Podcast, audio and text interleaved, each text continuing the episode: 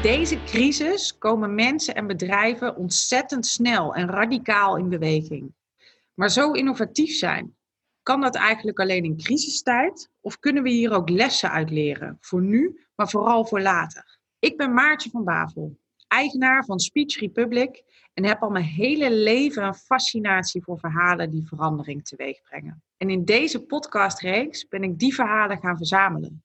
Vandaag spreek ik met Germain de Rosario, eigenaar en chef-kok van Michelin-sterrenrestaurant De Rosario. Zondag 15 maart hoorde hij rond half zes dat zijn restaurant die avond moest gaan sluiten. Hoe hij die bizarre situatie ombuigt naar een succesvolle business, hoor je in deze podcast.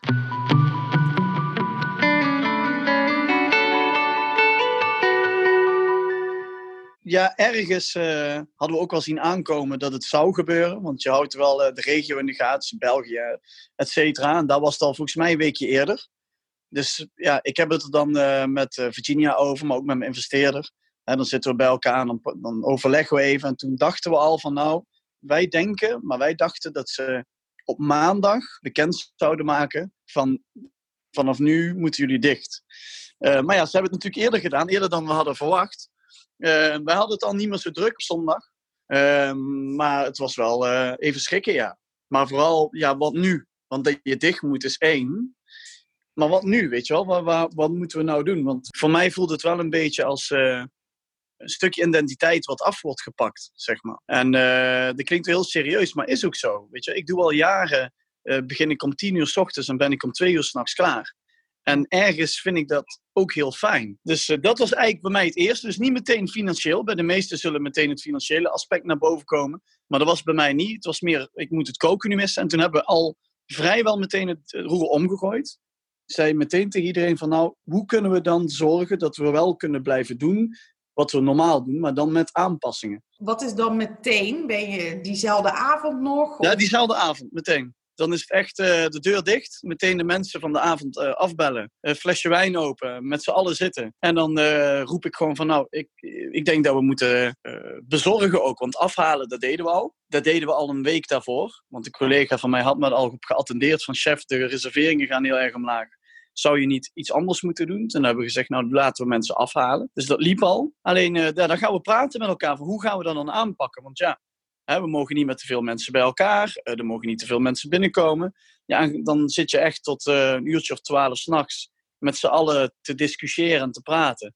En dan zijn we eigenlijk meteen begonnen eigenlijk. En dan besluit je, we gaan bezorgen. en nou kan ik me dat voorstellen als je pizza's maakt, dat soort dingen. Maar hoe werkt dat als je Michelin level kookt? Nou, ik vind wel heel leuk dat je, dat je, je zegt het eigenlijk meteen goed. Want je zegt al meteen van, ja, hoe is het dan als je Michelin sterren niveau? Maar nou komt het dus. Ik snap dat, hè. Dus ik moet even goed opletten wat ik zeg. Ik, ik, ik zeg altijd alles wat ik denk. Kijk, ik wilde snel schakelen en op dat moment ben ik even geen Michelin-sterrenchef meer, dan ben ik gewoon een ondernemer die gewoon zijn, zijn hoofd boven water wil houden. Kijk, er zijn ook heel veel uh, gerenommeerde chefs die doen het bijvoorbeeld niet. Maar, en dat snap ik ook. Uh, maar naar mijn mening, dat zijn chefs die zijn al twintig jaar bezig. Ik noem maar iets, hè. Die hebben al een bepaalde solide basis staan. Maar wij zijn net begonnen. Dus van ons kan niet hetzelfde verwacht worden. We hebben die buffer niet. En wij zijn nog uh, te jong als zaak. Dus wij moesten schakelen. Alleen ik had niet verwacht. Je krijgt meteen de stempel van. Yes, we krijgen nou sterren eten thuis. En daar zit een kanttekening bij. Kijk, tuurlijk, de smaken zijn zoals mensen altijd gewend zijn bij ons. Maar het is een hele andere discipline. Je kan niet in één keer zeggen. Nou, morgen doen we bezorgen. En alles loopt perfect. En dat heb ik wel uh, gemerkt, zeg maar, dat door die stempel ligt er wel weer een bepaalde druk. Want aan de ene kant, mensen moeten ook genoeg te eten hebben. Maar je moet ook kijken en denken aan je inkoop. Um, dus je gaat geen salade met langoustines en bereidingen van pompoen. En, want dat werkt allemaal niet. Want ik vind belangrijker de kwaliteit van het eten. Daarom heb ik bijvoorbeeld voor gekozen dat gasten hun hoofdgerecht nog dingetjes zelf moeten doen thuis. Want als ik vlees ga bakken en dat komt thuis op de tafel en dat heeft nog tien minuten ergens eh, in een auto gezeten, dat is niet meer zo lekker. Dat vond ik, eh, heel eerlijk gezegd, vond ik dat heel erg wennen dat je meteen een stempel kreeg. En we hadden ook een recensie, volgens mij, in Eindhoven's Dagblad van Carla Kentgens. Uh, mooie recensie, maar dan denk ik ook van ja, we waren vier dagen bezig. En dan word je meteen gerecenseerd voor zo'n pakket. En denk ja, als, ze dat nou, als ze het nu hadden gedaan, was het bijvoorbeeld veel beter geweest. Ja, dus want vertel, wat, wat heb je al in de tussentijd dan ontdekt en ontwikkeld, zeg maar? Want je zei het gaat niet perfect in het begin.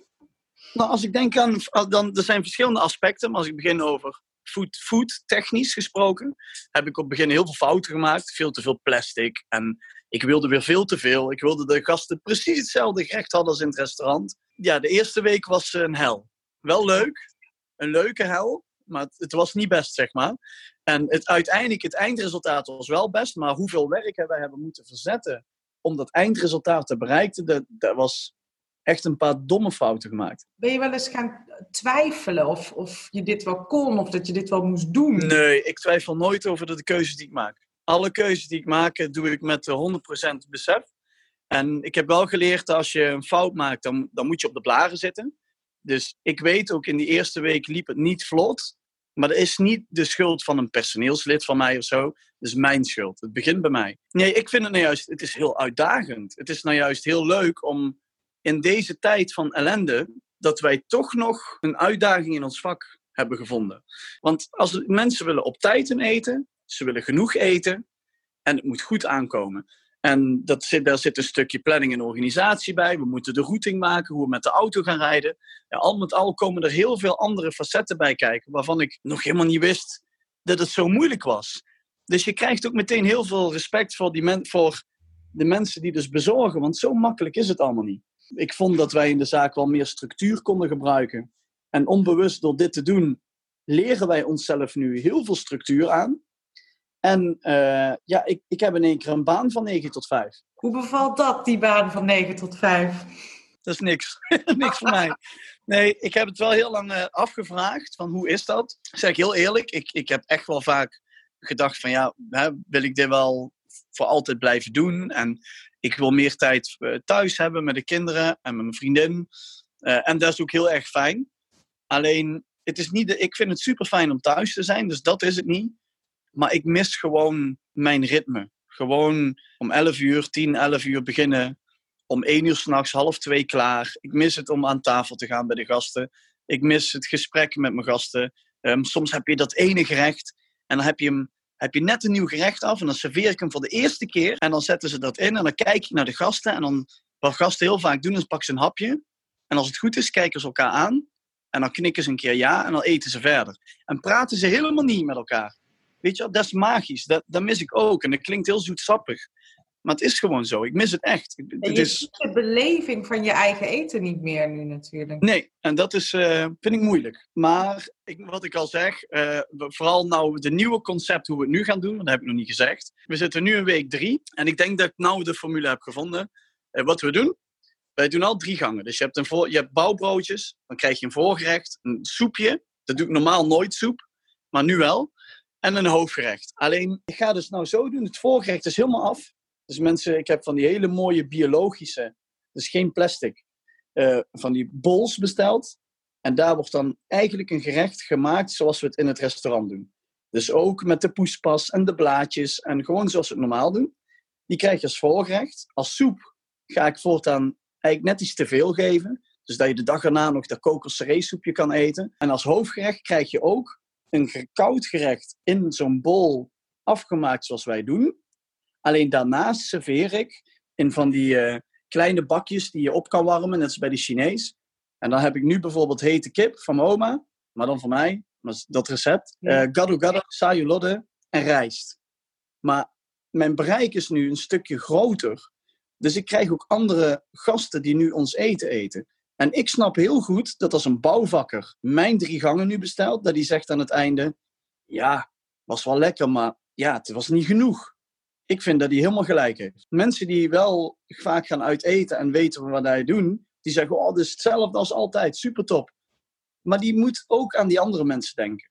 Dus nu hebben we dadelijk drie gangen zoals we het altijd doen. Maar zeg maar de bakjes met hete kip en rijst. Want een echte Indische rijsttafel kan je hier in de regio ook niet bestellen. Dus ik doe iedere keer zo'n Indische rijsttafel garnituren erbij, dat iedereen voldaan is, zeg maar. En jij zegt, uh, mijn bereik is ook groter. Je, normaal op een avond heb je 60 couverts. Nu, hoeveel, hoeveel dozen gaan, uh, gaan er de deur uit? Nou, uh, de eerste zaterdag 100. En afgelopen zaterdag hadden we er 120. 120. En dat is alleen zaterdag. We hadden afgelopen vrijdag hadden we er 70. En we zitten op een gemiddelde, als je gewoon gemiddeld pakt, dan zitten we op tussen de 40 en 60 per dag. Wauw. Dus Dus dat er is is echt echt een wel, business case achter.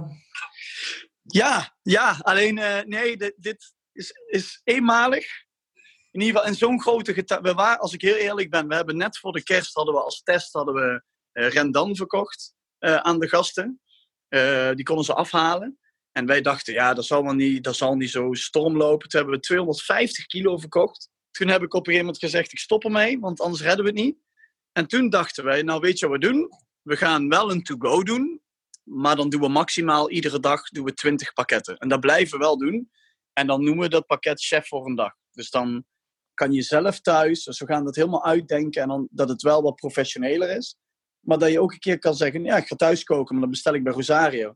En dan moet ik alleen een paar handelingen nog doen. Dus er blijft, gaat wel iets overblijven van dit, van alles wat je hebt geleerd. Oh, nee, nou, er gaat heel veel over blijven. Want ik denk de lessen die we geleerd hebben, maar ook ik als ondernemer, maar ook ik lees hier nou ook dat mijn personeel, mijn personeel ziet dat ik voor hun klaarsta. Want ik betaal iedereen 100% uit. Ze hebben geen vakantiedagen hoeven opnemen. Niet al van al die fratsen allemaal. Het is gewoon, het gaat voor hun normaal door. Dus daardoor geef ik hun vertrouwen. En zij geven mij ook vertrouwen, want zij staan gewoon voor mij klaar.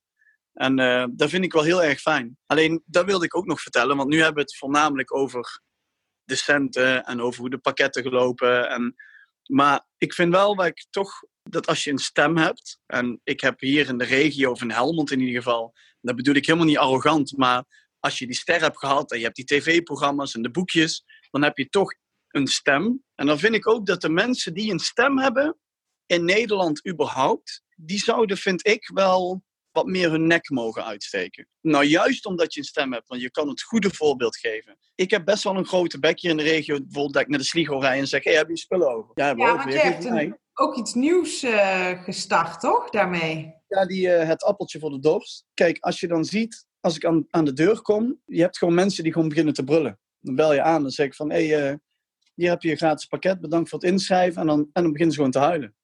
Zeg ik, ja, dankjewel. En je weet niet hoe belangrijk dat voor ons is. En het gaat niet om mijn gevoel, dat die mensen allemaal zeggen, oh, goed zo Jermaine. Dat is het niet. Er zullen ook weer mensen denken, denken, oh, daar heb je hem weer. Die wil weer eh, een wit voetje halen. Maar dat is het niet. Ik heb gewoon nu de kans en de stem om iets te kunnen doen voor anderen. Want jij bent plaats- met dat andere initiatief, ben jij met het appeltje voor de dorst, kook jij nu met eten wat wordt gedoneerd, wat wordt gegeven, et cetera. Ja. Kook jij voor mensen die het nu extra nodig hebben? En ik zet me dan vooral in, dus die mensen krijgen een gratis maaltijdpakket. Eh, ik kom daar wel dan maar één keer aan de deur. Dus als jij uit wordt gekozen, dan heb je gewoon één keer een pakket. En dat was het. Het is een beetje een hart onder de riem. Maar ook eh, daardoor blijf je een beetje blijf je creatief. Het is gewoon heel mooi om, om je daarvoor in te zetten. Want er wordt ook, je kweekt natuurlijk, en dat is wel de kanttekening, zeg ik heel eerlijk. Ik, ik- ben soms iets te eerlijk. Maar eh, daardoor kweek je ook heel veel goodwill. En dat is, kijk, als je denkt van, ja, waarom zou je inzetten gratis? En waarom doe je zoveel werk daarvoor verzetten? Want je hebt het al druk zat met je hoofd boven water te houden. Dat klopt, ik heb het ook veel te druk. Maar die mensen, ten eerste maak je super blij. En ten tweede, je kweekt gewoon goodwill. En ik weet gewoon zeker dat als dadelijk deze ellende ophoudt voor ons allemaal. En we mogen weer gaan starten. Dat er heel veel mensen denken als ze een keer gaan uiteten van, weet je wat we doen? We gaan naar de Rosario. Want hij heeft toen zijn nek uitgestoken voor anderen. En zo help je elkaar. Dus ik help nu andere mensen en ik heb ook hulp nodig. Dus doordat iedereen pakketten blijft bestellen, kan ik ook blijven doen wat, wij, wat ik wil doen. Dus het is, eh, hoe heet het? Pay it forward. Nou, ik vind de pay it forward gedachte een, eh, een, een hele mooie. Dat is een mooie les. Voor jou, als, als over een jaar, dan eh, loop ik langs de Rosario. Dan kan ik zowel daar komen eten, als dat ik eh, ook iets, misschien die, een van die twintig eh, boxen kan bestellen. Wat is er nog meer veranderd dan hierdoor? Misschien bij jou als ondernemer, misschien binnen je bedrijf. Maar wat heb je hiervan geleerd of ontdekt? Ik vind dat moeilijk te zeggen, want je leert, ik, ik leer persoonlijk nu heel veel. Ik, ik leer gewoon heel veel. Ik leer ook dat nou bepaalde dingen ineens niet meer zo belangrijk zijn. Ik noem maar iets, de, de lijstjes en de Michelin. En ik, waardeer ze allemaal enorm. Maar ja, dat is, dat is nou allemaal niet relevant. Ik, ik leer de band die ik nu met mijn personeel heb, is nog hechter dan ooit tevoren. Dus ik merk wel dat we waren al familie, maar we zijn nu nog closer met z'n allen. En ik denk dat wij dat mee gaan nemen in onze nieuwe zaak. Ja, wat je leert, ja, ik vind dat moeilijk te beantwoorden, want ik denk dat, je, dat ik pas over een jaar kan zeggen wat ik heb, heb geleerd. We zitten nu pas in week drie. Ik, als ik zie hoe we nu staan te vlammen en hoe het nu gaat, ja, daar leren we al veel van. Maar ik vind dat moeilijk. Dat is moeilijk te zeggen. Als ondernemer in ieder geval heb ik wel nou geleerd dat je echt niet met de pakken neer moet zetten en dat je moet aanpakken. En, en heel veel mensen doen heel negatief over dat bezorgen en afhalen in de zin van, ja, je moet dat niet doen, want je, zit je, je zit je eigen omzet in de weg. Want uh, je weet met de regels die allemaal op zijn gesteld. Dat klopt wel. Maar als, je, als ik, hoe het nou bij ons gaat nu, hebben wij geen probleem hoor. Ik, hoeven wij nog niet eens iets terug van de regering, want we maken ook minder kosten. Hè? Ik ben niet meer heel de dag open. Ik heb mijn parttimers niet meer in dienst. Ik hoef maar drie gangen te mise plassen. Normaal hoor ik er zeven te mise plassen en een grote à la carte. Heb ik ook niet meer. Dus mijn inkoop is minder. Ik hoef geen wijnen in te kopen. Maar daar praten ze niet over. Hè? Weet je, ik vind nou juist dat ondernemen, dan moet je nou juist stimuleren. Alleen, je kan beter advies geven over hoe je dan nou in deze tijd moet ondernemen. En er zijn er heel veel die proberen nou juist al die mensen terug te trekken. Van nee, je moet nou even stil blijven zitten. Maar ik, ik ben niet iemand die wacht totdat ik geld krijg van de regering, zeg maar. Ik, ik praat voor mezelf, maar ik denk dat je als ondernemer altijd moet zorgen dat je alles in eigen hand hebt. Ik denk dat dat de grootste les is dat ik het allemaal zelf in de hand wil houden. Een hele mooie les. Dank je wel daarvoor. Ik wil je ontzettend veel succes wensen de komende weken. Met alles wat je aan het doen bent. En uh, ik hoop tot ziens. Tot ziens, dankjewel hè.